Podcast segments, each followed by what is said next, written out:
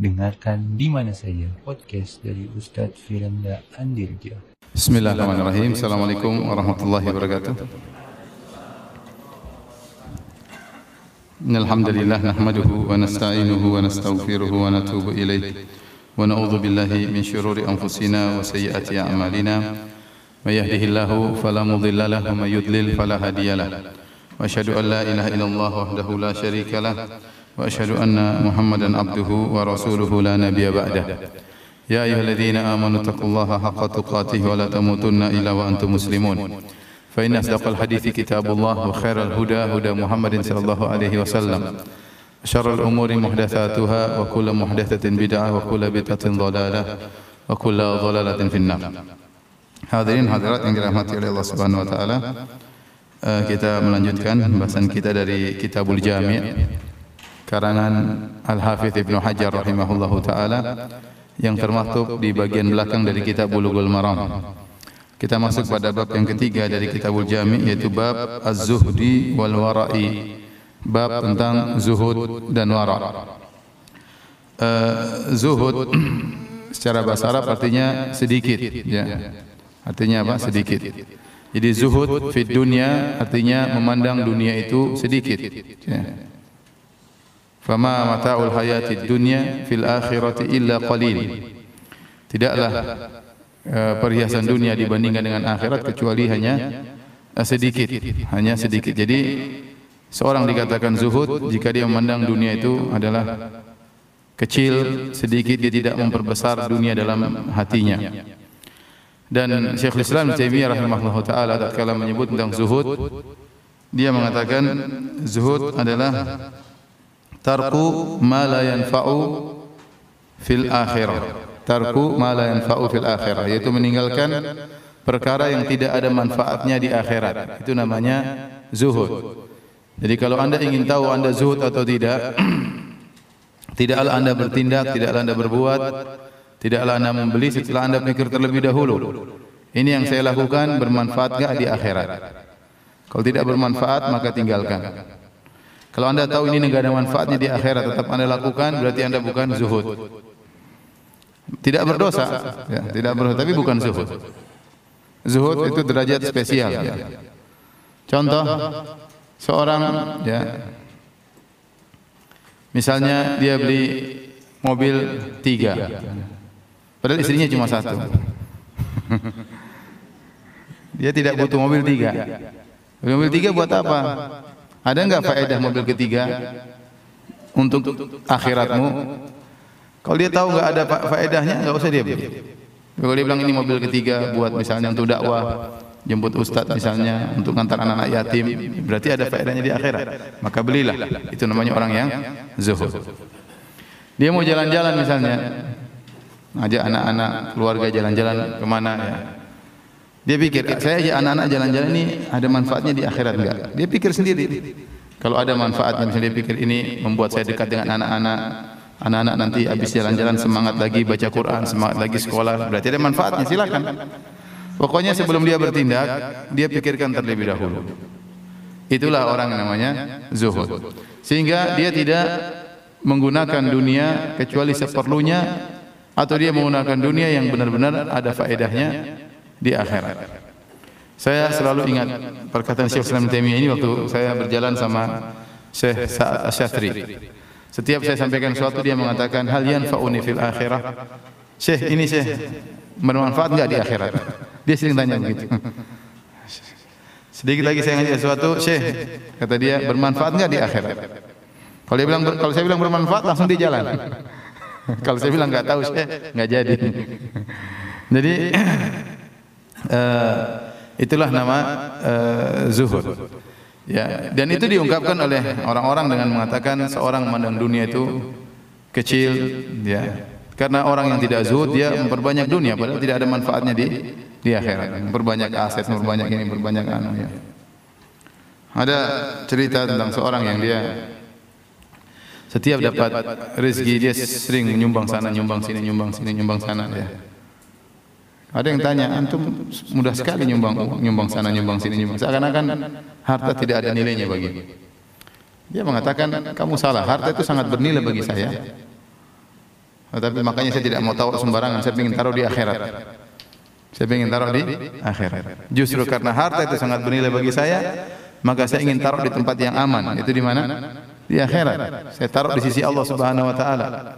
Kata para ulama kalau ingin menyimpan harta benar-benar aman, tidak takut dicuri, tidak takut rusak, tidak takut expire, maka simpanlah di sisi Allah Subhanahu wa taala. Itu pasti aman. Tidak akan diambil sama istri. Tidak akan diambil oleh anak. Kalau antum taruh di sisi Allah benar-benar aman. Itu pasti aset antum yang aman.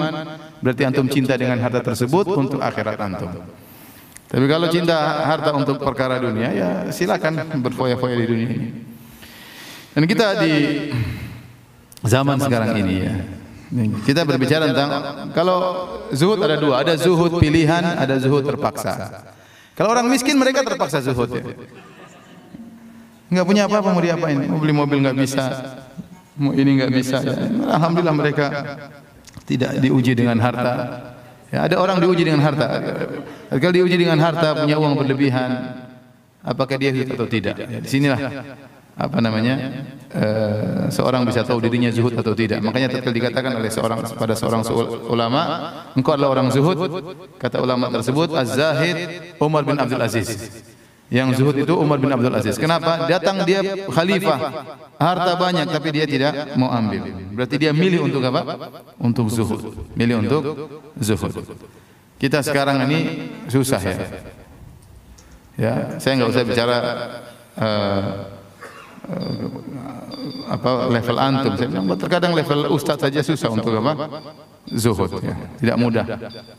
Tidak mudah ya. Apalagi kemudian tinggal di ibu kota ya seperti ini ya. maka seorang sudah waktunya jumatan belum cabut aja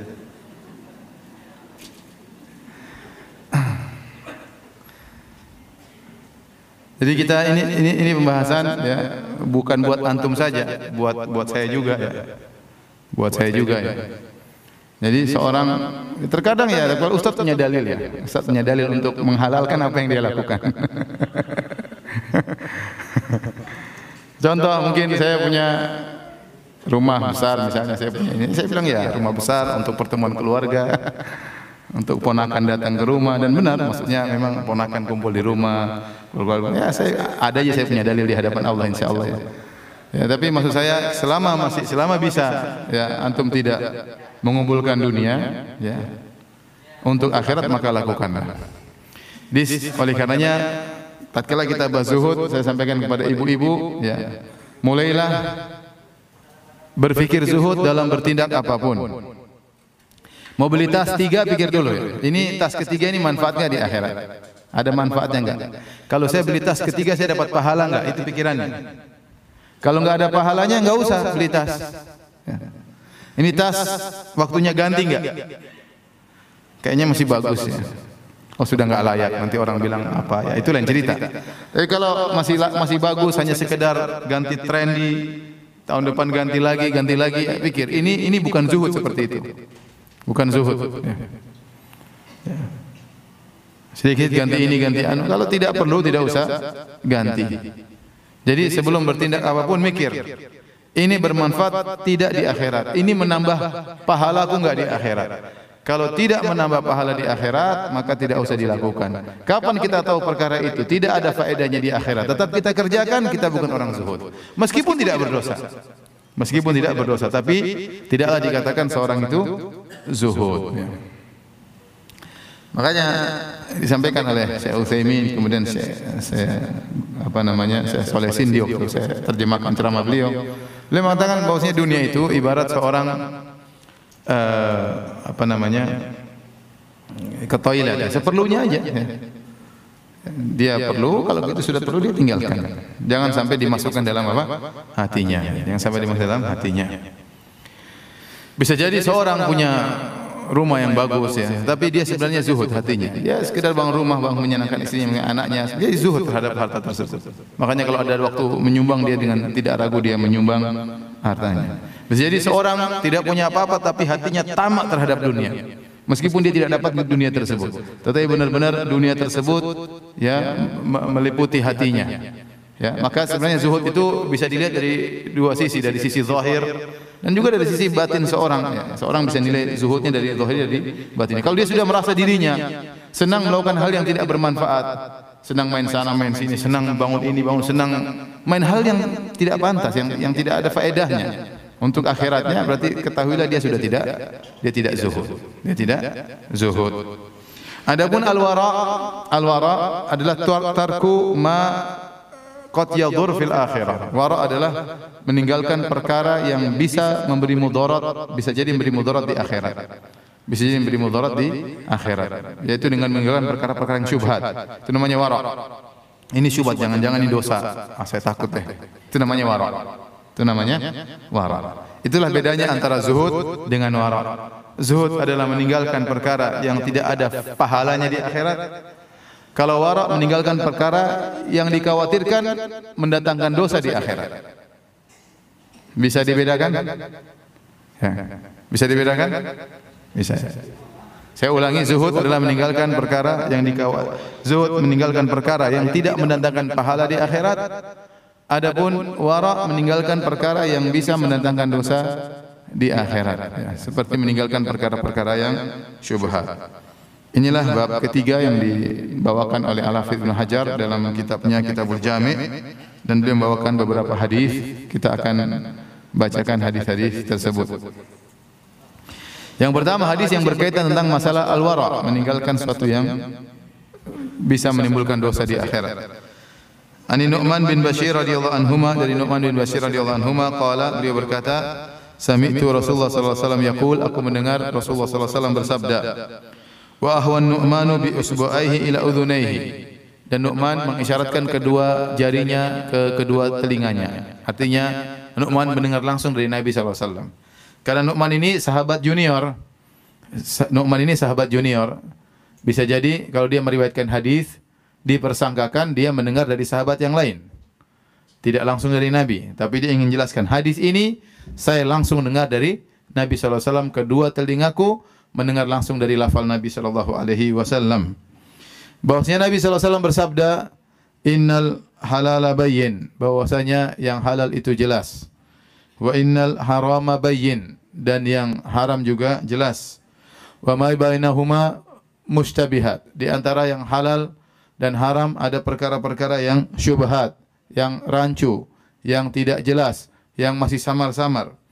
La ya'lamuhunna katsiru minan nas. Banyak orang-orang tidak tahu hakikat dari perkara yang samar-samar tersebut. Apakah dia haram, apakah dia halal. Faman ittaqa syubhati faqad istabra'a li dinihi wa irdhihi. Barang siapa yang menjauhkan dirinya dari perkara-perkara yang syubhat, maka dia telah menjaga agamanya dan menjaga harga dirinya. Wa man waqa'a fi syubhati waqa'a fil haram. Barang siapa yang menjerumuskan diri dalam perkara-perkara yang syubhat yang tidak jelas, suatu saat dia terjerumus dalam perkara yang haram. Karra'i yar'a haulal hima. Seperti seorang penggembala yang menggembalakan kambingnya di sekitar daerah terlarang. Bukan daerah terlarang, tapi di sekitarnya. Yushiku an yaqa'a. Lama-lama kambingnya akan masuk dalam daerah terlarang tersebut. Ala wa inna likulli malikin hima. Ketahuilah bahwasanya setiap raja itu punya daerah terlarang. Ala wa inna himallahi maharimuhu. Ketahuilah bahwasanya kawasan terlarang di sisi Allah adalah hal-hal yang Allah haramkan. Ala wa inna fil jasadi mudghatan. Ketahuilah dalam jasad ada segumpal daging. Idza salahat salahal jasadu kullu. Kalau segumpal daging itu baik, maka baik pula seluruh anggota tubuh. Wa idza fasadat fasadal jasadu kullu. Kalau segumpal daging tersebut rusak, maka rusak pula seluruh anggota tubuh. Ala wahyal qalb, ketahuilah dia adalah hati. Muttafaqun alaih. Hadis riwayat Bukhari dan Muslim. Al qalbu dalam bahasa Arab artinya jantung, ya. Bukan hati. Artinya apa? Jantung. Tapi kita sudah uh, terlanjur bahasa Indonesia bilang apa? Hati. Padahal maksudnya al qalbu itu artinya jantung. Detakan hati, bukan detakan jantung. ya. Taib, hadis ini saya ulangi dari Nu'man bin Bashir radhiyallahu anhu di mana Nabi jelaskan bahwasanya yang halal jelas, yang haram jelas. Di antara keduanya ada perkara-perkara yang musyabihat, yang tidak jelas. Ya, yang banyak orang tidak tahu hakikatnya. Haram sebenarnya ini yang yang samar-samar ini pun ada hakikatnya. Dia haram atau dia mubah, boleh. Tetapi tidak jelas bagi sebagian orang. Oleh karenanya bagi sebagian orang jelas, bagi para ulama jelas hukumnya ini halal atau haram. Tapi banyak orang-orang yang tidak punya ilmu bingung ini halal atau haram, ya. Nah, hadirin hadirat yang hadirat subhanahu wa taala, hadis ini sebenarnya umum berkaitan dengan seluruh perkara baik perkara muamalah, perkara uh, hukum tertentu, ya. Tetapi kebanyakan kalau orang sudah bicara halal dan haram berkaitan dengan apa? Muamalah ya. Masalah makanan misalnya. Yang halal misalnya banyak ya. Ayam halal jelas ya. Apa lagi? Tempe jelas halal. apa lagi? Bubur ayam tadi halal alhamdulillah. Yang haram jelas ya. Anjing, babi ya. Kucing nggak boleh dimakan. Ya, tikus nggak boleh dimakan ya khamar nggak boleh diminum ya ini contoh yang yang yang yang yang, yang haram jelas orang Islam tahu ini uh, haramnya jelas di antara uh, kedua perkara tersebut ada yang tidak jelas ya sebagian orang tahu sebagian orang nggak tahu ya contoh hukum makan buaya halal atau haram ini khilaf ya Sebagian ada yang mengatakan halal, sebagian ada yang mengatakan haram ya. Di antara yang suka makan sate buaya Ustadz Syafiq ya. Syafiq Basalama suka makan apa? Sate buaya. Saya nggak nggak bisa makan sate buaya. Tapi itu bukan dalil, nggak bisa bukan berarti haram ya. Tapi mau saya ini contoh. Kenapa ada sembilan ulama mengharamkan, ada sembilan ulama meng halalkan. Sebagian ustaz pun demikian, ada yang berpendapat halal, sebagian mengatakan haram. Ini perlu penelitian lagi. Saya lebih condong kepada haramnya. Saya lebih condong kepada haramnya. Kenapa? Karena yang dihalalkan adalah al-hillu maitatuhu yaitu yang hewan air. Waktu Nabi ditanya, "Ya Rasulullah, inna narkabul bahra wa nahmilu ma'ana al-qalila minal ma'." afana tawadda'u bima'il bahar? Ya Rasulullah kami berlabuh di lautan. Dan kami hanya bawa air sedikit air tawar untuk minum. Ya. Apakah boleh kami berwudu dengan air laut sementara airnya tersebut sangat asin? Ya. Fa in tawadda'na bihi atishna kalau kami minum berwudu dengan air tawar tersebut kami akan kehausan air akan habis bolehkah kami berwudu dengan air uh, laut maka Nabi SAW mengatakan huwa tahuru ma'uhu al-hillu maitatuhu. Sungguhnya air laut itu uh, suci dan mensucikan dan bangkainya halal. Bangkainya halal. Nah, bangkai air laut ini maksudnya apa? Maka kalau seluruh hewan yang hanya tinggal di lautan, tidak pernah keluar dari lautan, maka itu sepakat para ulama bahwasanya dia halal. Contoh hiu, meskipun dia sangar, meskipun dia sadis ya, tapi dia nggak pernah jalan-jalan ke daratan. Ya, nggak pernah. Ya. Dia selalu dalam laut, dalam air. Maka hewan seperti ini seperti ular laut, belut.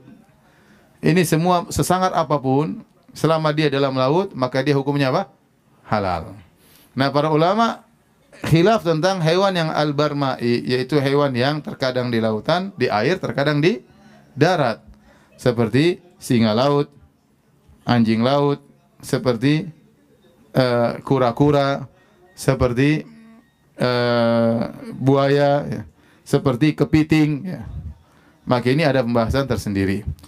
Wallahu alam bisawab, pendapat yang saya kuatkan yaitu hewan-hewan yang tidak seluruh kehidupannya dalam air. Ada yang mengatakan lihat apa yang mendominasi, dia lebih dominasi di laut atau di darat ya.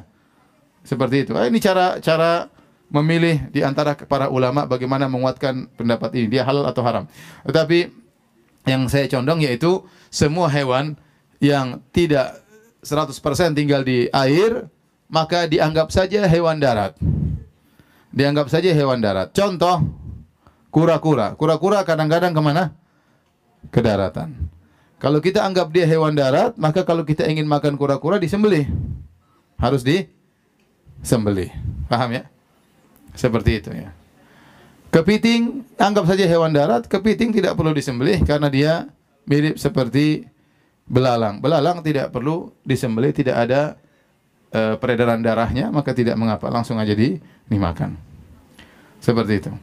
Adapun buaya, kalau kita anggap hewan darat, maka dia buas. Maka dia haram seperti singa dan yang lainnya.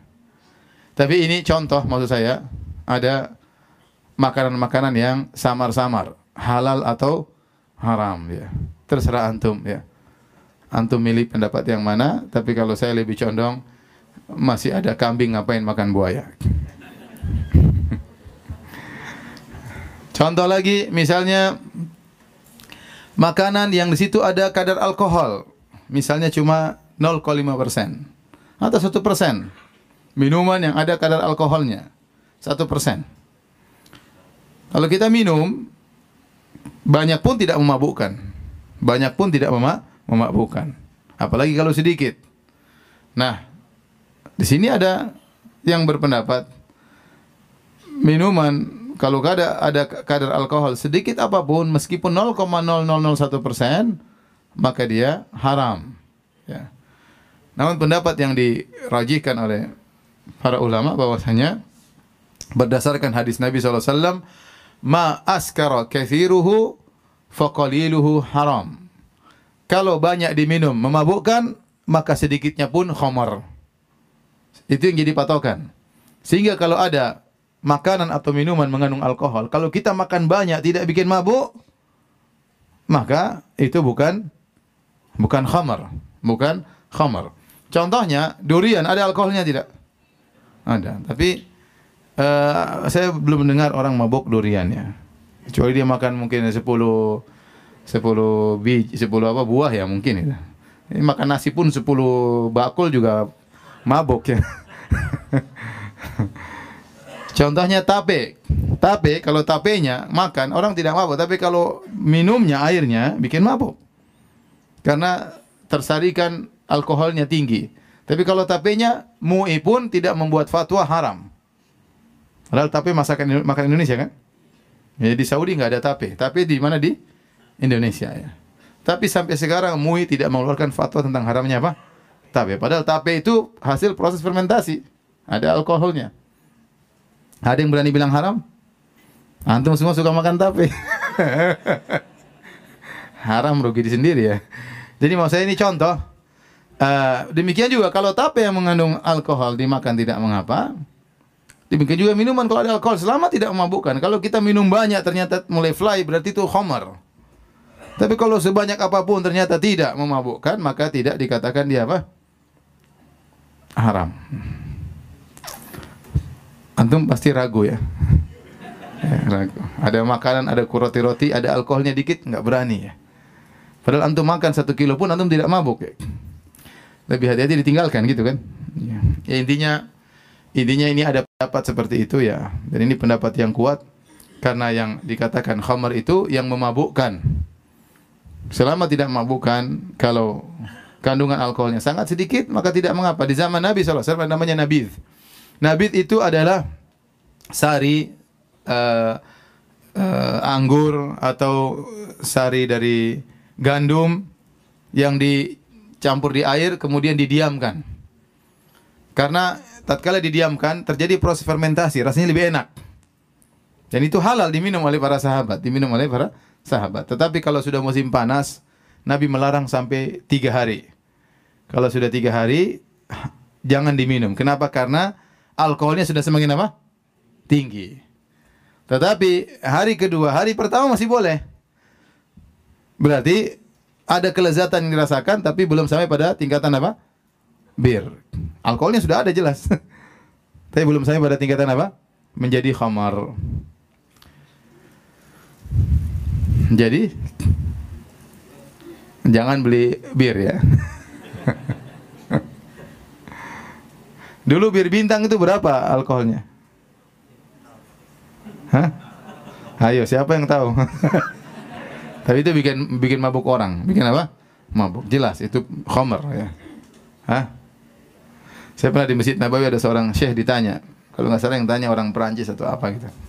Jadi pada pada perayaan-perayaan tertentu di sana mereka dibagikan permen. Tapi permen tersebut dicampur dengan sedikit alkohol. Maka Syekh tanya, kalau makannya banyak mabuk nggak? Enggak, kalau gitu bukan khamr. Kalau gitu kan apa? Khamr. Tapi sudahlah daripada kita nanti teler tengah jalan. Ini jenggotan kok teler. Mending kita menghindar. Mending kita menghindar. Jadi itulah yang disebut perkara-perkara syubhat. Sekarang itu tadi berkaitan dengan makanan. Berkaitan dengan misalnya uh, apa namanya? Uh, misalnya muamalah. Muamalah sebagian muamalah, sebagian sistem muamalah ada khilaf di kalangan para ulama. Ya. Contoh seperti yang dipraktikkan oleh sebagian bank syariah. Misalnya ada si A dan si B. Si C adalah pihak bank. Si A, si B ingin beli rumah dari si A. Tapi si B nggak punya uang. Maka dia bilang kepada bank, "Bang, ya, bank syariah ini ya. ya. Saya nggak pinjam uang dari antum, Bang. Tapi antum beli rumah itu, terus antum jual ke saya. Saya kredit sama antum. Akhirnya bank beli rumah dari si A. Yang rumah itu harusnya harganya 500 juta, bank beli 500 juta. Terus bank jual kepada si B 1,2 M atau 1 M lah satu satu m. Nah, zahir dari muamalah ini, zahirnya bukan riba. Zahirnya adalah jual beli antara si B dengan bank. Paham? Bank mau jual rumah berapapun, tidak ada masalah. Yang penting si B pembeli ridha. Ya, si, yang penting si B si pembeli ridha. Dan rumah yang dari dijual oleh si A sudah berpindah tangan, kepemilikan dimiliki oleh apa? Bank. Ya sudah dimiliki oleh bank. Nah, bank baru kemudian jual ke si B. Si B beli satu miliar dengan cicilan satu tahun, tidak ada masalah. Ini secara zahir nggak ada masalah. Karena zahirnya adalah jual beli antara B dengan bank. Bank mau jual berapapun tidak ada masalah.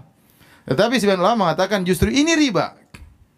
Hakikatnya adalah hakikatnya adalah si B pinjam uang kepada bank 500 juta untuk beli rumah dari A dan dia bayar 1 miliar. Paham tidak? Sekarang saya ulang ya. Ada si A developer penjual rumah. Ada bank syariah ya. Bank BSD syariah. Kemudian ada si A, si bank C, ada si B. B ingin beli rumah kepada si A, ternyata terlalu dia nggak punya duit. Harga aslinya tipe 36 500 juta misalnya. Tipe tipe 60 lah. 500 juta. Ya. Dia beli langsung nggak punya uang. Dia mau pinjam uang juga siapa yang pinjamkan uang sama dia? Akhirnya dia bilang kepada si bank atau bank kerjasama dengan si si A. Pokoknya bilang bang itu ada rumah bagus ya. Kalau kamu beli nanti saya beli dari kamu. Ya udah akhirnya bank beli dulu kepada si A dengan harga 500 juta. Pindahlah kepemilikan kepada bank. Setelah itu bank jual kepada si B. B beli dengan satu miliar. Zahirnya halal. Karena zahirnya hanyalah jual beli antara si B di kepada dari dari bank. Tapi pada hakikatnya kalau kita lihat secara keseluruhan sama saja kalau si B pinjam uang 500 juta kepada bank untuk beli rumah bayarnya satu miliar. Bunganya 500 juta. Dari situlah dengan dua sudut pandang yang berbeda, khilaflah para ulama. Sebagian ulama mengatakan boleh dan itu yang dipraktikkan oleh banyak ulama di Arab Saudi dan juga pendapat dipilih oleh Ustaz Erwandi hafizahullah taala dan sebagian ulama seperti Syekh Utsaimin mengatakan inilah inilah riba. Demi Allah inilah apa? Riba. Karena pada hakikatnya si B punya uang 500 juta, bayarnya berapa? 1 miliar. Saya lebih condong kepada riba ya. Saya lebih condong. Tapi ya banyak ulama yang membolehkan. Ini contoh muamalah yang diperselisihkan ya. Mau yang diperselisihkan.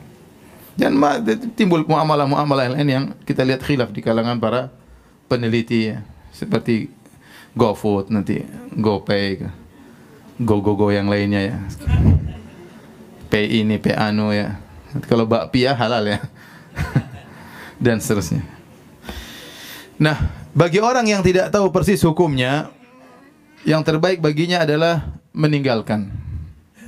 Makanya Nabi SAW mengatakan, "Faman ittaqa syubhati faqad istabra li dini wa irdhihi."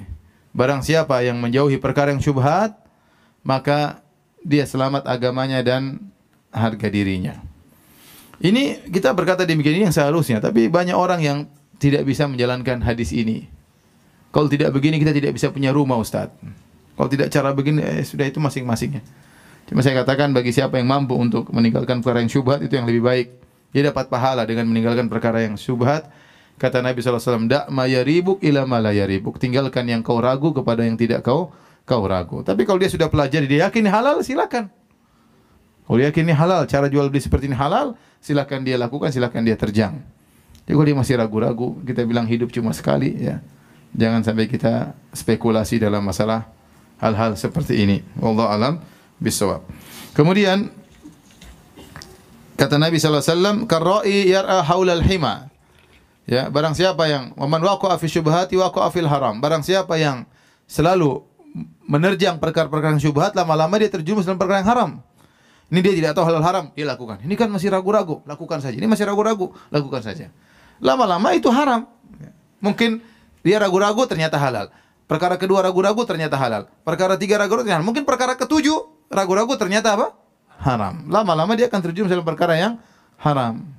Atau dia terbiasa dengan perkara yang syubhat. Nah, ini syubhat aja kok diembat diembat lama-lama dia terbiasa melakukan yang haram. Karena yang syubhat-syubhat sudah biasa dia lakukan. Tapi kalau orang dari jauh syubhat dia selalu tinggalkan dia lebih aman. Jangankan yang haram, yang syubhat saja dia tinggalkan apalagi yang haram. Tapi kalau orang sudah terbiasa yang syubhat, lama-lama yang haram dia akan lakukan. Dan ini banyak dalam masalah muamalah. Allah masih syubhat, enggak apa-apa. Syubhat, syubhat, syubhat. Haram-haram sedikit enggak apa-apa. Zaman sekarang ini mana yang halal murni? Enggak ada. Semuanya pasti ada syubhatnya, pasti ada haramnya. Ya, itu perkataan iblis ya. Akhirnya dia terjang semuanya. Kalau ente mau halal murni, ente nggak bisa tinggal di Indonesia misalnya. Banyak orang mengatakan demikian untuk melegalkan apa yang dia lakukan. Taib. Dan banyak orang-orang yang bingung ya. Saya juga saya, saya pun bingung menjawabnya. Kerja Ustaz, kerja di sini Ustaz, kerjanya halal. Tapi full musik Ustaz ya. Ustaz, saya kerja di sini tapi barang jualan halal tetapi selalu dibuat nota kosong. Di up oleh apa? Orang yang beli dikasih harga sendiri semua sendiri tinggal kita stempel. Bagaimana Ustaz? Mengerikan Ustaz saya kerja di bengkel Ustaz. Tapi selalu dibilang ini sebaiknya diganti sebaiknya diganti. Padahal belum saatnya diganti. Saya ditanya saya juga bingung. Kamu nggak bisa bilang jujur. Nggak bisa saat atasan saya harus begitu prosedurnya seperti itu harusnya belum diganti bilang apa di? Ganti biar apa spare part cepat laku. Aduh mengerikan. As asalnya halal tapi pengolahannya apa? Haram.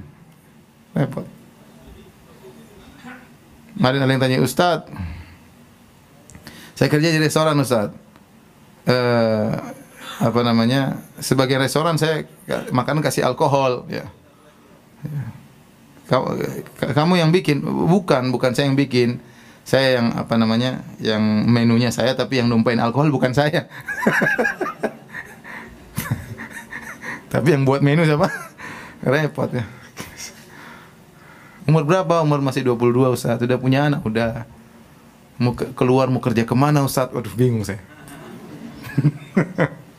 Masya Allah banyak orang punya masalah ya. Kita itu antum tuh bersyukur. Banyak apa?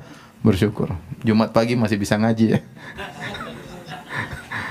banyak orang sudah nggak bisa ngaji karena cari pekerjaan setengah mati. Masya Allah ya. Jadi banyak perkara-perkara syubhat yang terkadang saya pun tidak tahu hukumnya. Hukumnya halal atau haram saya juga bingung ya. Tidak semua perkara jelas bagi saya, apalagi bagi yang bertanya. Kasihan ya.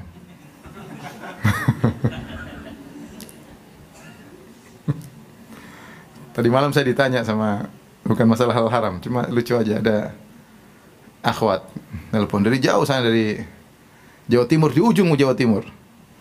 Ustadz, saya suka sama Ikhwan Ustadz. Eh, akhirnya Ikhwan tersebut hafal Quran Ustadz. Jadi saya jadi semangat hafal Quran bisa, bisa biar seperti dia Ustadz. Ya udah, nanti bilang orang tua, bilang suruh Ikhwan itu nikahi anti. Ustadz, nggak bisa Ustadz. Kenapa? Saya masih kelas 2 SMA Ustadz. Ikhwannya kelas 1 Ustadz. saya takut ria kalau saya hafal Quran. Ternyata motivasi saya bukan karena Allah tapi karena ikhwan tersebut malah. Anti curhat sama ibu malu Ustaz, sama Ustaz nggak malu curhat. Jadi, Masya Allah banyak. Jadi banyak orang menderita. Atau dari Ustaz, eh, saya susah menahan syahwat Ustaz, jadi saya puasa. Puasa bagus puasa ya, sudah puasa Daud, sudah Ustaz. Tetap aja syahwatnya tidak bisa Eh, kamu nikah aja, belum bisa Ustaz, saya masih SMA. Boleh nggak puasa tiap hari? Subhanallah. Ya ada khilaf memang, tapi saya bilang kalau kondisi demikian boleh. Percuma kamu puasa tiap hari tapi tontonan tidak bisa dijaga. Kamu puasa tapi kalau ngelihat macam-macam percuma. Intinya ya begitulah ya, banyak permasalahan ya. Di dunia ini pasti ada masalah. Tapi maksudnya selama seorang berusaha untuk bisa meninggalkan perkara yang syubhat, dia tinggalkan. Selama masih ada solusi yang lain, selama masih ada jalan lain, ngapain dia terjang perkara yang syubhat? Mudah, syubhat bisa tinggal, masih ada yang lain. Rizki dari Allah Subhanahu wa taala. Allah kasih kita rizki lewat jalan yang haram, lewat jalan yang syubhat, lewat jalan yang yang, halal. Kalau ente tinggalkan syubhat, Allah akan ganti yang lebih baik. Yakin. Itu tapi harus dia tinggalkan dengan keyakinan. Man taraka syai'an lillah awadahu khairan min.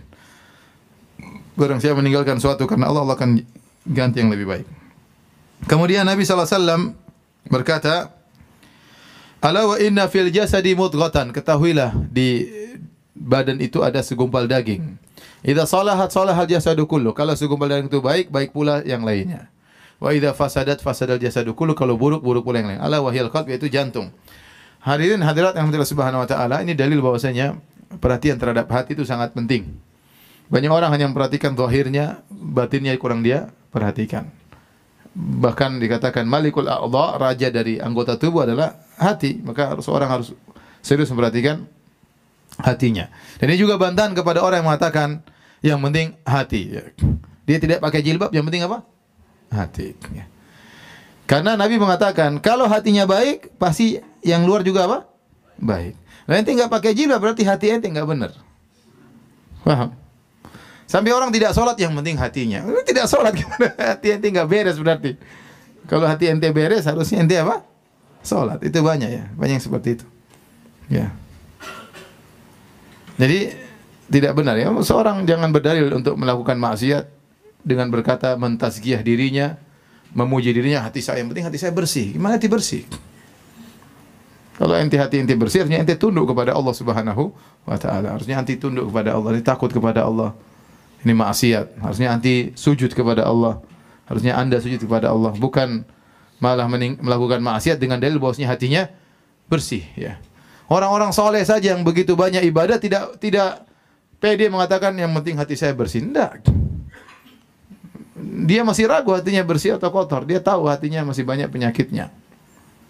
Ini sementara maksiat sana sini kemudian mengatakan yang penting apa? Yang penting hatinya. Kalau seorang ternyata tidak taat kepada Allah menunjukkan hatinya nggak beres.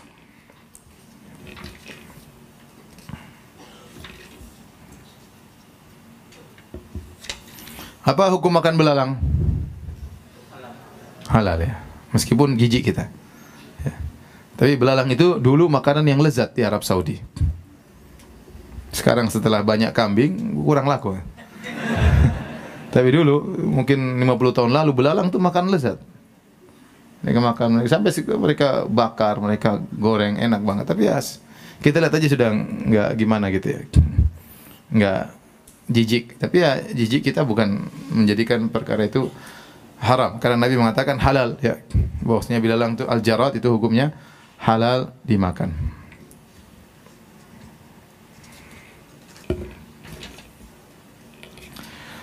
Baik, kita lanjutkan hadis berikutnya. Wa an Abi Hurairah radhiyallahu taala anhu dari sahabat Abu Hurairah radhiyallahu anhu qala beliau berkata qala Rasulullah sallallahu alaihi wasallam Rasulullah SAW bersabda Ta'isa abdud dinar wa dirham wal qatifah celaka budak dinar celaka budak dirham celaka budak qatifah qatifah itu kain yang halus ada yang mengatakan selimut semacam semacam itu In u'tiya radiya wa illam yu'ta lam yarda. Kalau diberikan dia senang dapat dunia tersebut, kalau tidak diberikan dunia maka dia pun tidak senang. Akhrajahul Bukhari, hadis riwayat Al-Imam Al-Bukhari. Perhatikan di sini Nabi SAW mengatakan Ta'isa Abdul Dinar, Ta'isa Abdul Dirham, Ta'isa Abdul Qatifah. Celaka budak harta, celaka budak dinar, celaka budak dirham, celaka budak dolar ya, celaka budak barang-barang yang indah, barang-barang yang mewah seperti kotifah, kain yang halus. Nabi menamakan mereka orang-orang dengan budak, seakan-akan mereka penyembah dinar dan dirham. Dan itu ada orang seperti begitu ya. Saya sempat ditanya kemarin di dalam pengajian ya. Saya baca pertanyaan, Ustadz ada teman saya mengatakan Tuhan kita adalah uang. Karena dengan uang kita bisa melakukan apa saja. Ya, sehingga benar-benar dia mencari duit, dia menyangka kebahagiaan dia adalah di duit. Dia menyangka kebahagiaan dia di di duit. Ya, sehingga dia mengatakan duit adalah segala-galanya. Ya, padahal kita lihat betapa banyak orang yang berduit belum tentu bahagia. Problematika terlalu banyak. Problematika rumah tangga, anaknya nggak beres, ya, jauh dari keluarganya, ya. Orang bermaksiat tidak semakin bahagia, semakin sengsara, semakin menderita. Dan itu banyak terjadi. Ya. Oleh karenanya, sebagian ulama mengatakan uh, orang-orang kafir ya uh, Allah mengatakan ka'annama yas'adu fis sama. Ya, orang-orang kafir itu seperti orang yang naik ke atas. Uh, naik seperti naik di atas gunung ya, kemudian kita lihat ya seakan-akan dia bebas tetapi ternyata dia sulit bernafas. Orang di atas gunung kan demikian. Oksigennya berkurang atau tidak? Berkurang.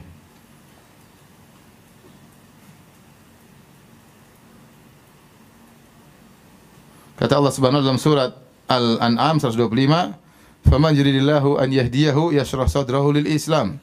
Barang siapa yang Allah ingin hidayah baginya, Allah mudahkan dia dengan Islam. Wa man yurid ayudhillahu yaj'al sadrahu dayyiqan harajan. Barang siapa yang Allah ingin sesatkan, Allah jadikan dadanya sempit, susah. Ka'annama yas'adu fis sama, seakan-akan dia naik di tempat yang tinggi. Nah, kita yang di bawah, lihat kalau orang di atas, ini orang kafir, dia di atas tempat tinggi, seakan-akan dia bebas. Seakan-akan udara banyak di, di hadapan dia. Tapi sebenarnya hatinya apa? Sesak itu yang kita lihat sekarang orang-orang kafir. Sekarang dunia di tangan mereka. Sekarang mereka bahagia. Mereka tidak bahagia ya ikhwan. Mereka sengsara dengan harta berlimpah yang mereka miliki. Apalagi kalau mereka sudah di masa tua, kasihan. Mereka bingung apa yang harus mereka lakukan. Mereka tidak punya tujuan hidup. Ya, tidak punya tujuan hidup. Beberapa waktu yang lalu, mungkin dua pekan yang lalu, ada seorang wanita dari Jepang, teman-teman saya datang ke rumah orang kafir. Bingung dia tidak bahagia, dia mengeluhkan kehidupannya. Jalan-jalan kerjanya dari negeri ini, besok Indonesia ke mana lagi, ke Thailand, ke Malaysia, ke mana. Jalan duitnya banyak, tapi tidak ada kebahagiaan. Tidak ada kebahagiaan. Kemudian lihat saya pulang, ada teman-teman juga pulang, kemudian anak-anak saya pulang. Uh, dia heran. Dia tanya istri saya, kamu di sini aja ya, terus suami mana belum pulang ya? Suami yang kerja, istri jadi ratu di rumah ya ratu pertama. Tapi jadi ratu ya. Anak-anak banyak datang kemudian cium tangan semua dia heran. Dia tidak dapat seperti itu. Antum kalau di negara Eropa orang tua bisa dilaporkan sama anaknya. Orang tua bisa dipenjara kalau ada masalah marah-marah anak-anak di penjara orang tua. Ada teman saya yang cerita dia tinggal di suatu negara kafir Kemudian dia sewa rumah di rumah tersebut ada kamar yang kosong. Dia pakai beberapa kamar ada kamar yang kosong. Nah, kamar yang kosong itu sering didatangi oleh putra atau putri pemilik rumah tersebut. Tapi dia datang bawa pacarnya berzina di situ. Sementara teman ini orang Islam, istrinya berjilbab, anak-anaknya ada. Maka dia gelisah, dia akhirnya bertemu dengan pemilik rumah tersebut. Dia bilang, "Pak, eh, ya, ya pemilik rumah, kami mohon kami dipindahkan aja ke lantai bawah karena lantai atas tersebut ada kamar yang datang oleh anakmu. Anakmu sering bawa pacarnya situ berzina di situ. Tolong kasih tahu anakmu jangan ke situ. Kata dia, mohon maaf nggak bisa, anak saya sudah 17 tahun. Sudah tidak di bawah apa naungan saya lagi. Ya, seperti itu repot. Jadi kelihatannya mereka pemilik dunia seakan-akan mereka bahagia, mereka tidak bahagia. Mereka menderita, mereka sengsara. Orang-orang Islam yang masya Allah ya dengan seadanya ya meskipun makan tempe goreng tapi bahagia. Ya. Makan beras ya. Tapi bahagia. Ketemu keluarga alhamdulillah. Kalau sakit banyak yang jenguk alhamdulillah. Puasa puasa bareng-bareng buka bareng-bareng ya. Nikmat luar luar biasa. Orang kafir ya tidak tidak demikian. Banyak di antara mereka yang sengsara dijauhkan kebahagiaan. Maka Allah mengatakan ya Waman a'rada an dzikri fa inna lahu ma'isyatan dhanka.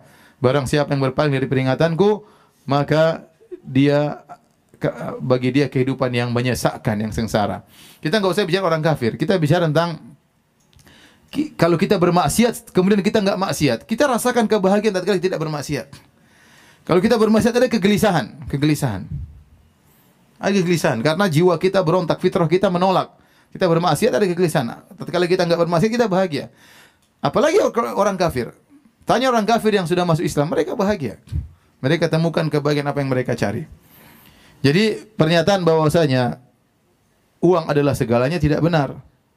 Ya. Kalau ternyata orang yang paling kaya pasti bahagia. Kalau kekayaan berbanding lurus dengan kebahagiaan, maka seharusnya orang paling kaya itu orang paling bahagia. Harus, harusnya korun adalah paling bahagia. Ya, ternyata tidak. Betapa banyak orang yang kaya raya tidak tidak bahagia. Hidupnya sengsara. Banyak orang kaya akhirnya cari kebahagiaan dengan morfin, dengan obat-obatan terlarang. Dia tidak dapat kebahagiaan dengan istrinya, tidak kebahagiaan anak-anaknya, tidak dapat kebahagiaan.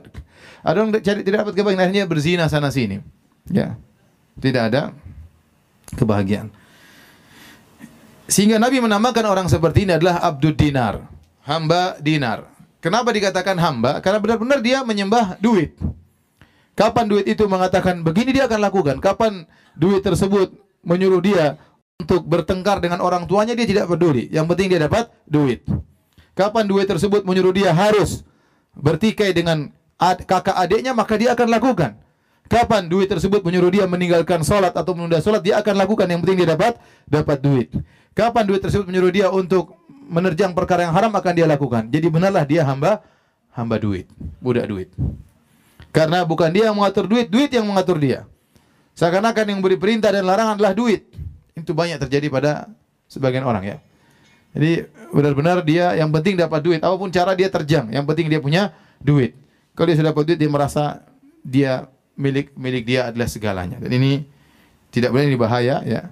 Jangan sampai seorang akhirnya menyembah harta. Harta kita cari, kita perlukan, tetapi tidak boleh kita sembah. Jangan sampai harta adalah segala-galanya. Karena harta bukanlah eh, apa namanya eh, harus orang punya harta pasti bahagia. Tidak. Tidak ya. Kalau harta kita punya harta kita olah dengan baik kita akan menjadi orang yang bahagia. Tapi kalau kita tidak olah maka tidak bahagia. Hadis berikutnya. An Ibni Umar radhiyallahu anhuma dari sahabat Ibnu Umar radhiyallahu anhuma qala beliau berkata akhadha Rasulullah wasallam bimangkibi Rasulullah sallallahu memegang pundakku Faqala kemudian Nabi menasihati Ibnu Umar kata Nabi kun fid dunya ka'annaka gharib Jadilah kau di dunia seakan-akan orang yang asing au abiru sabil atau seperti orang yang numpang lewat Wa kana Ibnu Umar yaqul dan Ibnu Umar akhirnya berkata Idza amsayta fala tantadhir sabah. Kalau kau sudah tiba di waktu sore, jangan tunggu lagi pagi hari. Segera beramal, segera berbuat. Wa idza asbahta fala tantadhiril masa. Kalau kau sudah tiba di pagi hari, jangan tunggu sore. Kalau sudah tiba sore hari, jangan tunggu pagi. Kalau sudah pagi hari, jangan tunggu sore. Segera beramal. Wa khudh min sihatika lisaqamik. gunakanlah sehatmu sebelum datang sakitmu. Wa min hayatika limautik dan gunakanlah kehidupan kehidupanmu sebelum datang kematianmu. Akhrajahul Bukhari hadis riwayat Al-Imam Al-Bukhari. Ini di antara ya perhatian Nabi kepada sahabat-sahabat junior. Ibnu Umar masih kecil. Ya, tapi Nabi SAW perhatian pada anak muda ini. Nabi pegang uh, pundaknya dan Nabi ingatkan meskipun dia mungkin masih sangat muda. Nabi ingatkan bahwasanya uh, jadilah kau di dunia ini seperti orang yang asing atau orang yang numpang lewat. Nabi kasih dua pilihan, orang asing atau orang numpang numpang lewat. Orang asing kalau kita tinggal, kita pergi misalnya keluar kota atau keluar negeri, kita terasing di sana, kita enggak terlalu banyak kenal orang, orang pun tidak kenal kita. Maka tatkala kita tidak kenal orang, kita hanya melakukan yang perlu-perlu saja. Yang perlu-perlu saja. Itu segera kita pulang habis itu. Ngomong ngobrol kita nggak kenal orang asing. Orang pun tidak ada yang menegur kita, tidak ada yang menyapa kita. Anggaplah kamu seperti itu dalam bersikap dengan dunia. Ya. Jangan sampai kamu kemudian ya seakan-akan hidup selama-lamanya di dunia, ngumpulin harta sebanyak-banyaknya. Ini bukan orang yang zuhud ya.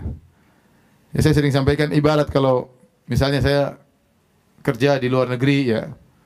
Kemudian saya kumpulkan uang, bukan untuk saya bangun rumah di luar negeri tersebut karena itu bukan tempat saya. Saya akan kumpulkan uang, saya kirim ke Indonesia. Saya akan bangun istana di Indonesia karena itulah tempat tinggal saya, itulah kampung saya. Kalau saya kemudian tinggal luar negeri, saya bangun rumah mewah-mewah, beli mobil mewah dan akan saya tinggalkan, saya bodoh namanya. Bahlul namanya. Seperti itu. Uang akan saya tinggalkan. Kamu kan akan pulang ke Indonesia ngapain bangun rumah mewah di sini?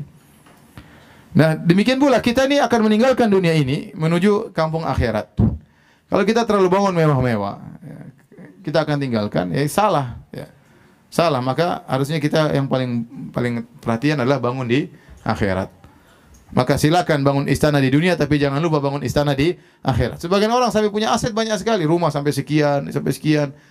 Sementara dia sumbangan sedikit, masjid belum pernah dia bangun, ya. Sementara rumah sudah, masya Allah, ada ada tujuh, ada delapan, tanah sudah berhektar-hektar. Apa yang dia bangun untuk akhiratnya nggak ada. Ini orang salah, salah dalam bertindak ya. ya. Dia menyangka dia akan hidup lama di di, di, di, di dunia ini. Beda kalau antum keyakinan bahwasanya hartamu akan kamu bawa ke dalam alam barzakh ya. Silakan kamu kumpul banyak-banyak. Seperti sebagian agama kalau dia meninggal dikuburkan semua emas peraknya dimasukkan bersama dia dalam apa? Kuburan.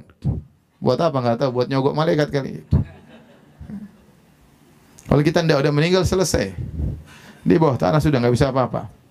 Maka jadilah engkau seperti orang yang asing, ambillah dunia seperlumu. Jangan berlebih-lebihan, jangan tamak. Ya. Dunia ini kalau kita kejar nggak ada habisnya.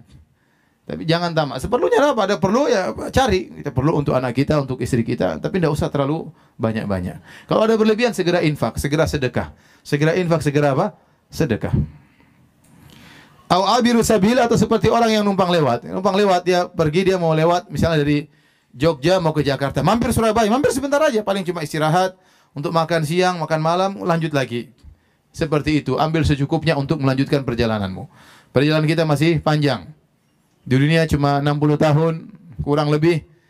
Belum perjalanan alam barzah, belum perjalanan apa? Di setelah padang mahsyar. Sangat panjang. Maka jangan sampai ya kemudian salah strategi.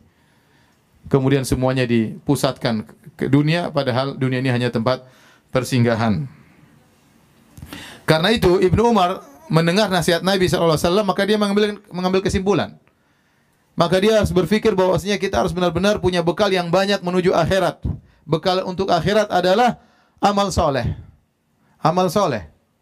Ya, itu bekal yang terbaik untuk di akhirat. Maka dia mengatakan, "Idza amsayta fala tantazir sabah." Kalau kau sudah tiba sore hari, sore hari jangan tunggu pagi. Kamu sore hari ada keinginan baca Quran, baca Quran.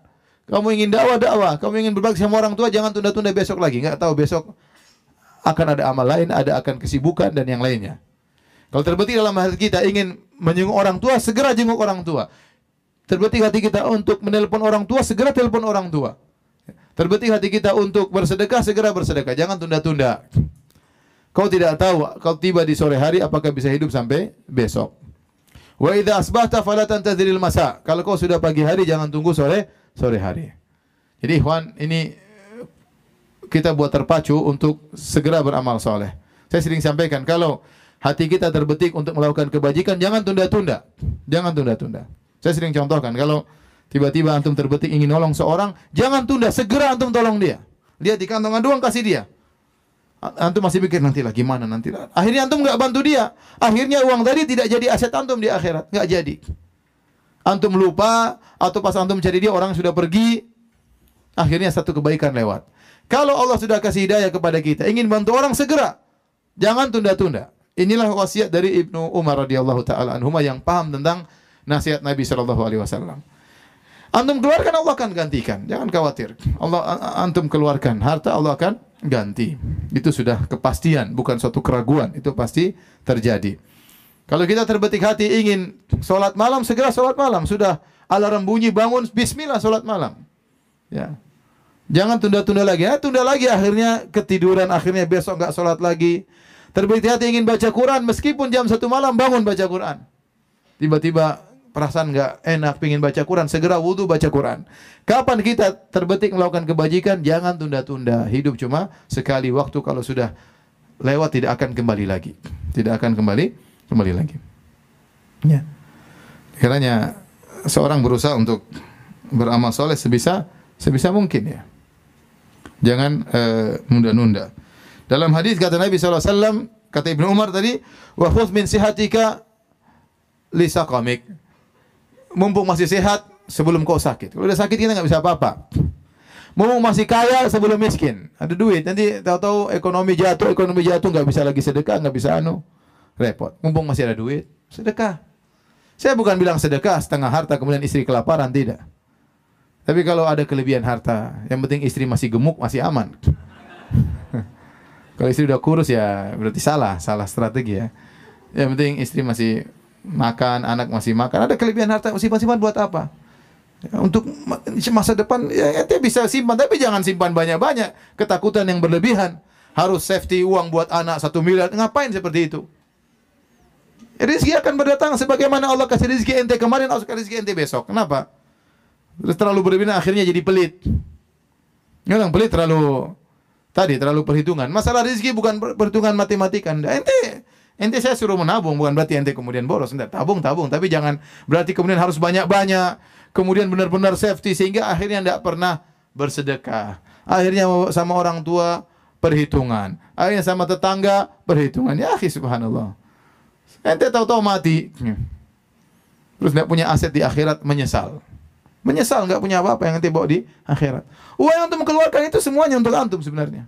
Tadi saya bilang ada orang tadi, dia mudah begitu keluar uang. Dikatakan ente uang harta menurut ente ringan. Bukan ringan, uang ini sangat saya cintai. Maka saya ingin selamatkan buat saya. Caranya gimana? Titip sama Allah. Titip sama Allah. Ente sudah setengah mati, cari. Jangan ente buang di dunia, buang, buang di akhirat. Allah akan kasih pahala berlipat ganda. Ya, seperti saya sampaikan juga ada seorang dia dikasih harta dapat harta dia kasih sama orang. Kasih harta dia kasih sama orang. Akhirnya orang tanya sama dia, "Antum ini kalau dapat harta kasih orang." Kenapa bisa demikian kata dia? Saya punya kebiasaan sama orang lain, Allah punya kebiasaan sama saya. Kebiasaan Allah sama saya, kalau saya kasih orang lain, Allah kasih saya harta. Saya pertahankan kebiasaan ini.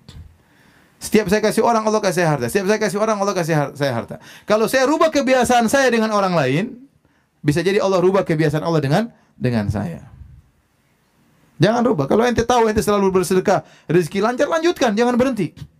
Jangan berhenti. Allah akan terus kasih kasih rezeki. Subhanallah saya kenal banyak orang yang dermawan, rata-rata Masya Allah kehidupan tambah tambah nyaman, tambah bahagia, rezeki tambah banyak, eh, tambah semakin mudah untuk bersedekah. Cuma kita ini terlalu cinta dunia ya. Terlalu cinta dunia. Ngeluarin duit aja mikir-mikir. Mikirnya panjang ya. Saya ketemu orang Masya Allah. Saya ketemu Fulan gini gini gini ada keperluan gini gini. Berapa Ustaz? Tanah 2 miliar. Minggu depan langsung dia bayar 2 miliar. Masya Allah uang 2 miliar saya nggak pernah lihat. Ini orang beneran nggak? Bener dapat 2 miliar. Ini harus bangun masjid gini gini gini gini gini. Berapa? 7 miliar. Dikeluarin 7 miliar. Masya Allah. Ada orang saya bukan bilang orang Saudi ya, saya bicara orang apa? Indonesia. Ya, yang seperti kita pesek-pesek juga ya. orang Saudi ya mungkin orang Indonesia ada juga orang-orang yang hebat dalam apa? bersedekah. Ada orang sama saya, Ustadz, saya ini semua harta saya 50% buat dakwah, 50% buat saya. Masya Allah. Ada yang lebih parah lagi, saya pernah ketemu orang, Ustadz, saya ini kalau orang bayar zakat 25%, saya 20% buat saya, 97,5 buat dakwah. Bayangkan. Ini orang gila bagaimana? saya ketemu orang seperti itu. Luar biasa ya. Jadi dia hidup aja, hidup masih bisa bangun ini, masih bisa bangun anu. Buktinya ya. Ya ente hidup di dunia cuma sebentar, cuma numpang lewat. Nabi berkata, "Mali wali dunia, inna masali masal dunia karakibin istadhalla tahta syajaran summa raha fataraka." Apa urusan dengan dunia? Waktu Nabi tidur kemudian terlihat bekas uh, tikar di lambungnya, sahabat kasihan. Kenapa tidak dibikinkan ini ya Rasulullah? Kata Rasulullah, apa urusanku dengan dunia? Perumpamaan dunia seperti orang yang berkendaraan kemudian mampir di sebuah pohon istirahat sebentar kemudian pergi meninggalkan pohon tersebut. Sama kita ini cuma sebentar kita akan tinggalkan dunia ini. Kita dari alam janin, kita keluar di atas muka bumi mampir 60 tahun kurang lebih. Kemudian kita lanjutkan perjalanan di alam barzakh mungkin ratusan tahun. Kemudian di padang mahsyar 50 ribu tahun dan seterusnya surga neraka abadi. Ini cuma sebentar di dunia ini. Maka kalau kita punya harta, jangan lupa kita untuk bersedekah. Kalau punya semangat untuk beribadah jangan tunda-tunda.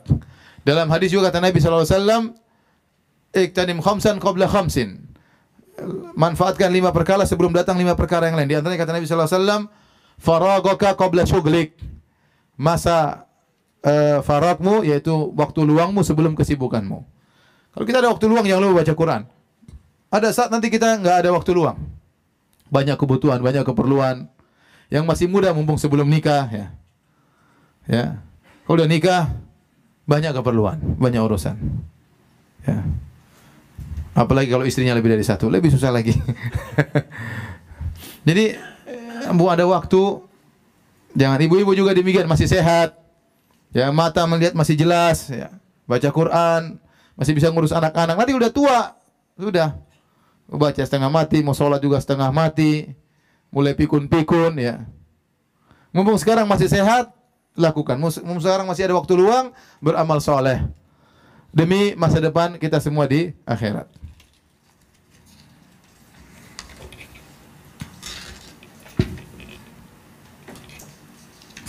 Sudah tanya jawab kan? Sudah ya? Ya udah kita tanya jawab aja kalau gitu. Ya silakan sampai sini aja dulu kalau yang bertanya saya persilahkan Allah taala alam bisawab. Yang tanya langsung juga boleh ya. Ustadz, apakah kalau sedang haid boleh datang ke masjid? Ini ada khilaf dengan para ulama, namun pendapat yang lebih kuat bahwasanya wanita haid selama dia bisa menjaga dirinya tidak sampai terteteskan darah haidnya di masjid maka tidak tidak mengapa insyaallah taala. Apalagi kalau ada keperluan pengajian uh, dan yang lainnya maka tidak tidak mengapa disebutkan dalam hadis ada seorang wanita yang selalu membersihkan masjid ya Ya, tidak disebutkan kalau dia haid maka dia tidak meninggalkan masjid, tidak bersihkan masjid sehingga semalam mengambil dalil keumuman bahwasanya wanita ini disebutkan dia tukang bersih masjid maka bisa jadi waktu haid dia tetap membersihkan apa? masjid. Dan dalil-dalil yang mengatakan tidak boleh wanita haid ke masjid hadisnya dhaif dan sebagiannya tidak tegas. Jadi kita kembali kepada hukum asal bahwasanya tidak mengapa wanita haid di masjid apalagi kalau ada keperluan Allah alam bisawab.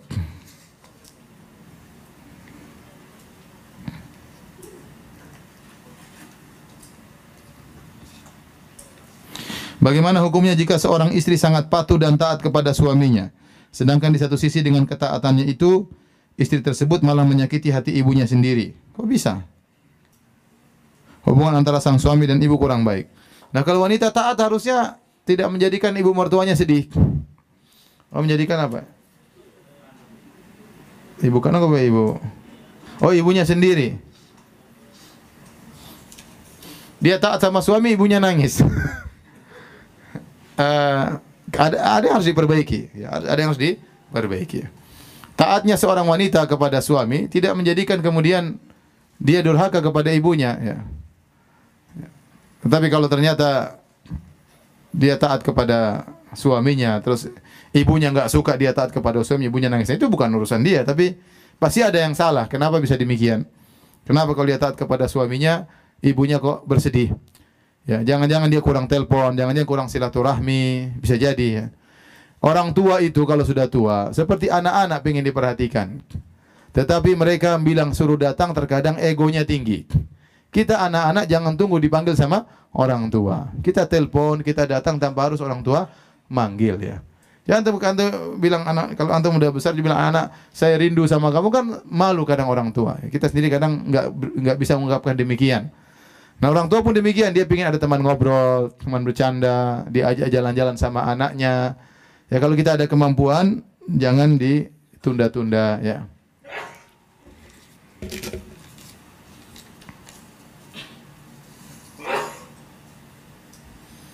Bolehkah anak tetap bekerja di bank konvensional, tapi gaji anak keluarkan sebagian untuk pembersihan harta?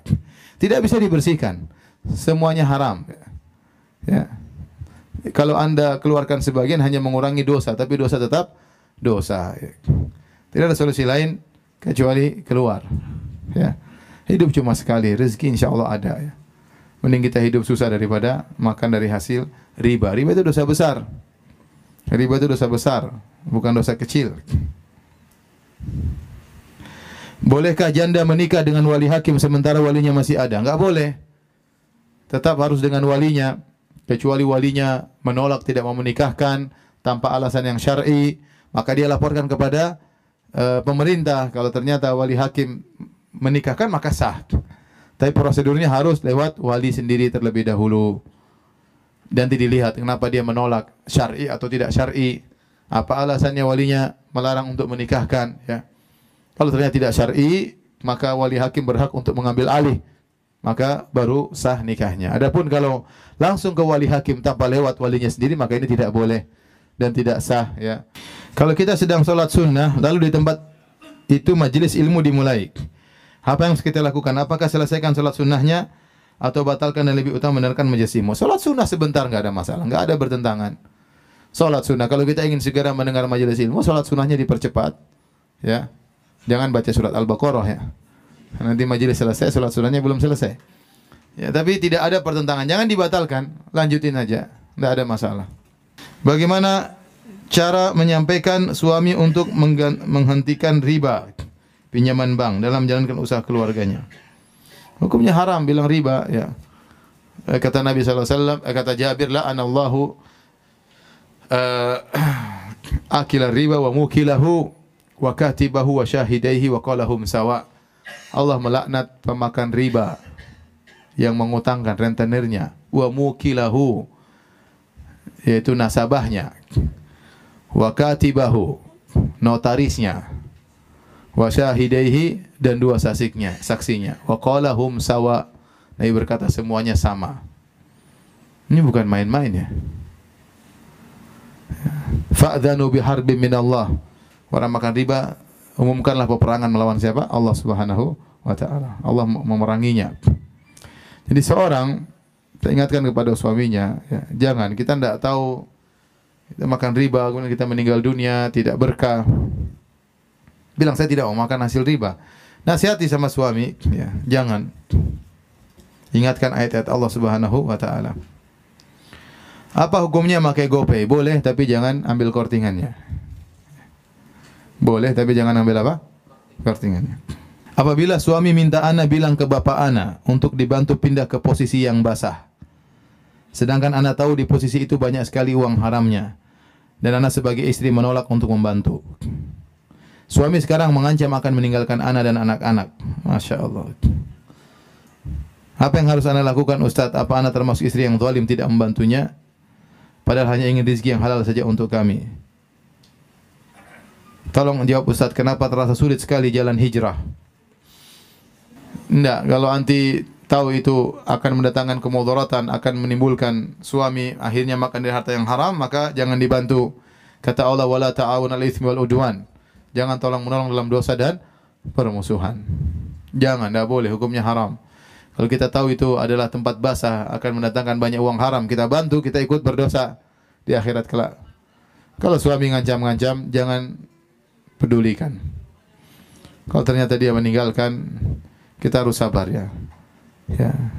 Kita meninggalkan suatu karena Allah Subhanahu wa taala. La ta'ata li makhlukin fi ma'siyatil khaliq. Kata Allah kata Nabi wasallam tidak ada ketaatan kepada makhluk dalam rangka bermaksiat kepada Allah Subhanahu wa taala. Tidak taat kepada suami, tidak taat kepada ayah dan ibu ke, kalau memerintahkan kepada maksiat. Orang berhijrah hidup ini memang ujian ya. Hidup ini memang ujian. Masing-masing kita punya ujian tersendiri. Anti jangan kira ustaz tidak diuji. Ustaz juga punya ujian. Ya, masing-masing punya apa? Ujian ya. Kawan kita yang kaya raya juga punya ujian sendiri ya. Memang ujian bertingkat-tingkat bagaimana sikap kita berhadapi menghadapi ujian tersebut ya. Terkadang ujian sama dihadapi oleh dua orang berbeda, tapi yang satu bisa bersabar, satu tidak. Padahal ujiannya sama ya. Berarti sikap iman orang tersebut dalam menghadapi ujian ya. Tidak mungkin hidup dunia ini tanpa ada ujian. Pasti ada ujian. Namun terkadang ada saatnya berat dan saatnya akan ada hilang ujian tersebut. Allah, Allah menjanjikan bahwasanya orang beriman pasti diuji ya. Afahasiban ahasiban nasu ayutraku ayakulu amanna wa hum la yuftanun. Apakah manusia menyangka mereka dibiarkan berkata aku beriman kemudian tidak diuji? Pasti diuji ya. Pasti diuji. Tetapi kalau orang beriman diuji pasti ada solusinya. Pasti ada solusinya makanya Allah mengatakan wa may yattaqillaha yaj'al lahu makhraja barang siapa bertakwa Allah akan berikan apa solusi anti bertakwa kepada Allah suami maksa yang haram jangan ikuti kalau dia ceraikan hadapi nanti jangan minta cerai Anti berusaha menenangkan dia, anti berusaha jelaskan kepada dia. Tapi kalau akhirnya dia menceraikan gara-gara seperti ini, insya Allah itu yang terbaik bagi anti. Sabar. Apa hukumnya kita menerima hadiah dari bawahan kerja di kantor? Baik berupa makan atau barang. Sedangkan ketika kita tidak jadi bos, bawahan tersebut tidak pernah memberi hadiah. jadi ada namanya Ibnu Lutbi ya, seorang di zaman Nabi SAW. Nabi tugaskan dia untuk mengumpulkan harta zakat. Kemudian dia ngambil harta zakat di kampungnya. Setelah itu dia bawa kepada Nabi. Dia dia dapat hadiah dari orang kampungnya. Maka dia mengatakan, ini untuk kalian baitul mal, ini untuk saya. Uh dia li, karena saya diberi hadiah oleh orang kampung saya. Maka Nabi marah. Dia mengatakan, coba kalau dia duduk di rumah bapaknya, di rumah ibunya, apakah ada yang kasih hadiah sama dia? Dia itu dikasih hadiah karena dia adalah pegawai pemerintah. Maka dia dikasih hadiah. Seandainya dia bukan pegawai pemerintah, duduk di rumah bapaknya, rumah ibunya, apakah dia akan dikasih hadiah? Tentu tidak. Kemudian Nabi SAW mengingatkan, barang siapa yang mengambil harta seperti ini, maka dia akan datang pada hari kiamat memikul harta tersebut. Kalau dia ambil dapat hadiah berupa kambing, dia akan pikul kambing tersebut di pundaknya sambil kambing tersebut mengembek. Kalau dia yang dia dia kasih hadiah berupa onta, dia akan pikul ontanya sambil ontanya mengeluarkan suaranya. Kalau dia mikul, dikasih sapi dia terima maka dia akan pikul sapinya pada hari kiamat. Ini ancaman yang berat. Ya. Maka ini disebut dengan hadiatul ummal, memberi hadiah kepada pegawai pemerintah dari masyarakat maka hukumnya haram. Kecuali masyarakat tersebut temanan sama kita, waktu kita bukan pegawai juga dia sering kasih kita uh, hadiah nggak ada masalah. Berarti bukan karena kita pegawai dia kasih hadiah. Tapi kalau karena kita pegawai kita dikasih hadiah maka ini tidak boleh. Pertama, pegawai tersebut sudah dikasih gaji oleh pemerintah. Yang kedua, tatkala dia terima hadiah dari masyarakat akan sikap ada ketidakadilan itu sudah pasti. Ada ketidakadilan. Mungkin ngambil zakatnya dia milih-milih atau dia lebih lembut. Kenapa? Karena dikasih hadiah. Bagaimanapun hadiah itu mempengaruhi. Mempengaruhi. Oleh karena Nabi melarang ya orang menerima hadiah seperti ini. Seperti dalam sekolah misalnya, kalau kita punya anak sekolah di suatu sekolah, terus gurunya kita kasih hadiah, dari kita, kira-kira guru itu sayang nggak sama anak kita? Sayang. Ya. Biasanya diomelin nggak jadi diomelin. Hafal Quran nggak hafal nggak apa-apa. Nanti diulang di rumah ya. Yang lain dipukulin. itu terjadi. Makanya kalau kita mau kasih hadiah sama guru, apalagi sekolah swasta nggak ada masalah, kita kasih kepala sekolah. Kepala sekolahnya kasih tanpa harus tahu siapa yang kasih. Karena kalau dia tahu siapa yang kasih, ada rawan timbul ketidakadilan. Ya. Kalau swasta boleh. Kalau ini saya saya nggak tahu ini pekerjaan swasta, yang bapak ini kerja swasta atau pemerintah. Kalau pemerintah jelas tidak tidak boleh. Tapi kalau swasta maka harus lapor kepada ownernya. Bosnya saya dikasih duit sama ini. Kalau ownernya membolehkan maka boleh. Saya ulangi, kalau ini perusahaan yang bapak kerja ini swasta, Harus lapor kepada ownernya, Pak, ini anak buah kita ada, ini suka kasih duit sama saya. Udah ambil aja, apa. Ya udah ambil aja, apa. Karena antum sudah digaji oleh sang owner. Kalau ownernya mengizinkan maka tidak jadi masalah. Tapi antum harus tetap adil di antara apa? anak buah yang lain. Jangan sampai gara-gara dia kasih ini kemudian akhirnya antum pilih dia untuk naik atau gimana itu nggak boleh. Tapi kalau kalau pemerintahan tidak boleh sama sekali. Tapi kalau swasta harus minta izin kepada apa? Owner.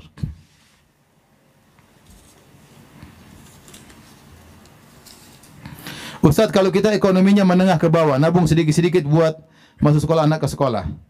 Karena biaya masuknya mahal, sekolah sunnah. Ya sekolah sunnah mahal semua sini. Musibah benar. Makanya orang nggak mau sekolah sunnah mahal. Yang murah sekolah bid'ah. Itu sekolah umum. Ini aneh, tapi asik, demikian kenyataannya ya. Kenyataannya. Kalau di Jawa masih banyak sekolah sunnah, murah-murah masih banyak. Kalau di Jakarta rata-rata mahal ya. Jakarta dan sekitarnya maksudnya. Tanah mahal, gaji guru mahal. Ya, belum punya, masih sewa dan macam-macamnya, sewa pengembangan, pengembangan yang ngambil dari uang apa? Uang pendaftaran, dibilang wakaf, wakaf dipaksa ya. Dan macam-macamnya. Ya kondisinya seperti itu. Wah, ya, kenyataannya demikian. Sebagian orang saya ketemu, Ustaz saya terpaksa keluarkan anak saya dari sekolah sunnah. Saya masukkan sekolah umum saja. Ya, belajar belajar nyanyi-nyanyi tapi gratis Ustaz. ini belajar sunnah, duit bayar saya nggak punya duit. Dan ini menyedihkan ya. Saya masih terus punya cita-cita ingin sekolah sunnah, tapi ya, belum belum terwujudkan sampai sekarang sekolah sunnah yang murah. Apakah kalau kita nabung dikit-dikit termasuk hamba dinar kalau kita sedekahnya hanya sekedarnya? Insya Allah enggak. Karena anti pun menabung buat akhirat, buat menyekolahkan apa? Anak. Tapi keluarkanlah meskipun hanya sedikit. Yang penting ada yang kita sumbangsikan. Kita sedekahkan. Jangan sampai pelit.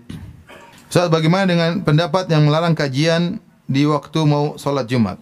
Ada larangan halaqah yaitu menjelang sholat Jumat itu dilarang.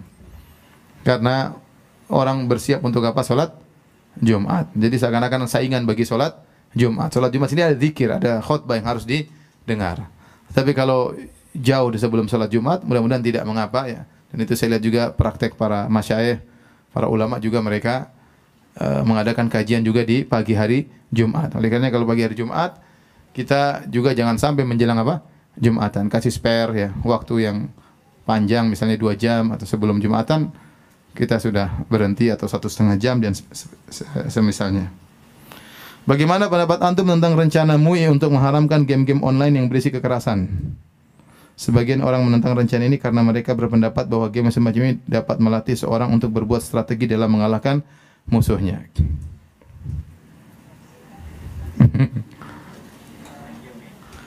Saya rasa MUI sudah menimbang dengan baik lah. Mungkin banyak laporan, banyak dampak ya. Kalau mau jadi jagoan tidak perlu main game ya. Emang kalau jago game itu jago strategi perang kan enggak, enggak ada hubungannya. Itu jago tembak dalam game kemudian keluar jadi jagoan, enggak. Mungkin jadi orang paling penakut di dunia bisa jadi ya. Enggak ada hubungannya. Ya, kalau itu sekolah khusus nanti ada pelatihan langsung secara tidak, tidak game tidak bisa mewakili ya. Emang kalau dia jago tembak sana apa kemudian keluar ke alam nyata tidak ada hubungannya ya. Enggak ada nyambung. Saya rasa MUI sudah eh, menimbang kalau ini memang MUI memandang karena mungkin banyak laporan anak-anak terpengaruh habis main game memukul sana mukul sini tendang sana tendang sini anak-anak jadi emosian yang main kan anak-anak kan kalau bapak-bapak bapak-bapak terlalu ya. Akhirnya habis main game marah-marahin istrinya mukul-mukul istrinya nembak-nembak istrinya. Ini pasti banyak laporan sehingga akhirnya MUI mungkin mengeluarkan eh, apa namanya hal tersebut. Tentu sudah dipikirkan oleh pihak MUI. Apa yang harus kita lakukan Ustadz jika punya uang yang cukup untuk satu beli mobil atau umrah atau beli tanah? Maka harus dilakukan. Yang yang kebutuhan kebutuhan yang apa primer apa kalau ternyata mobil itu merupakan kebutuhan yang primer untuk cari nafkah untuk anak sekolah ya beli mobil aja kalau yang tapi kalau ternyata tidak primer pingin umrah ya silakan umrah ya saya tidak tahu kebanyakan mobil sekarang jadi kebutuhan apa Ha, primer sekarang bukan sekunder lagi jadi primer kalau nggak ada mobil gimana ya Ha, banyak keperluan tidak bisa dikerjakan Ustaz saya ingin menjadi wanita yang soleha dan belum pernah bisa baca Al-Quran. Tolong beri solusinya. Belajar. Belajar baca Al-Quran, belajar tajwid. Belajar. Anak-anak TK saja bisa belajar Al-Qur'an apalagi sudah dewasa. Tentunya lebih mudah. Yang penting jangan malu-malu. Tidak perlu malu-malu ya belajar. Ada umur 40 baru belajar Quran, 50 baru belajar Quran. Nggak ada masalah. Ini demi kehidupan kita di akhirat kelak. Tapi demikian saja kajian kita. Ikhwan dan akhwat ini mati subhanahu wa ta'ala. Kita berkafaratul majlis. Subhanakallah bihamdik. Asyhadu an la ilaha illa anta. Assalamualaikum warahmatullahi wabarakatuh.